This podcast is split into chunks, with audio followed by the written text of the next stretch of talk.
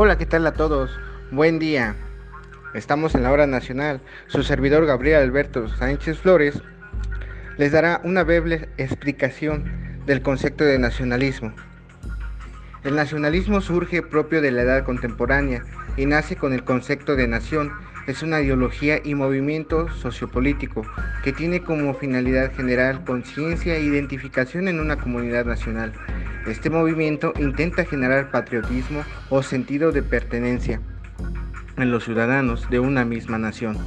A través del uso de distintas herramientas o estrategias, el nacionalismo comenzó a tomar relevancia hacia finales del siglo XVIII y alcanzó su apego en el siglo XX. Su origen fue o suele ser bastante controversial, dado que existen diferentes opiniones sobre su nacimiento pero las que más resuenan afirman que el nacionalismo surge luego de grandes revoluciones como la francesa, la burguesa y la liberal, y hasta acompañada por los movimientos burgueses que se presentaron en años posteriormente a estas revoluciones características. El nacionalismo se presenta como una corriente ideológica de carácter político, el cual se caracteriza principalmente por mostrar a su nación el derecho que se posee de forma a su propio estado de gobierno. Tiene el fin de establecer sus propios objetivos en base a sus aspiraciones y necesidades en el área de economía, la sociedad y sobre todo su cultura, ya que está en los últimos, define por sobre todo los demás como una identidad nacional.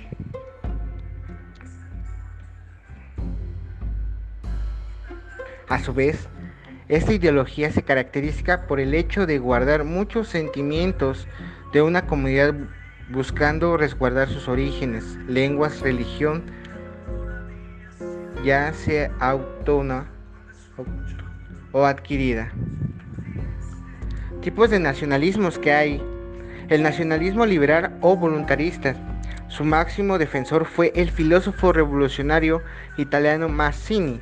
Este es consideraba una nación surge de la voluntad de los individuos que la componen y el compromiso que estos adquieren de convivir y ser regidos por unas instituciones comunes. Él pues la forma, quien forma su objetividad individual, decide formar parte de una determinada unidad política y a través de un compromiso o pacto. La nacionalidad es un individuo estaría por lo tanto sujeta a su exclusivo deseo. Este tipo de nacionalismo fue el que desarrolló en Italia y Francia, muy fluido por las ideas de la Ilustración. Nacionalismo conservador, sus principales valedores fueron Herder y Fichte. Según ellos, la nación conforma un órgano vivo que presenta unos rasgos externos hereditarios expresados en una lengua, una cultura, un territorio, unas tradiciones comunes madurados a lo largo de un largo proceso histórico. La nación posee una existencia objetiva que está por encima del deseo particular de los individuos. El que pertenece a ella lo seguirán haciendo de por vida, con independencia del lugar donde se encuentren, con una especie de carga genética, a lo que no es posible sustraerse mediante la voluntad.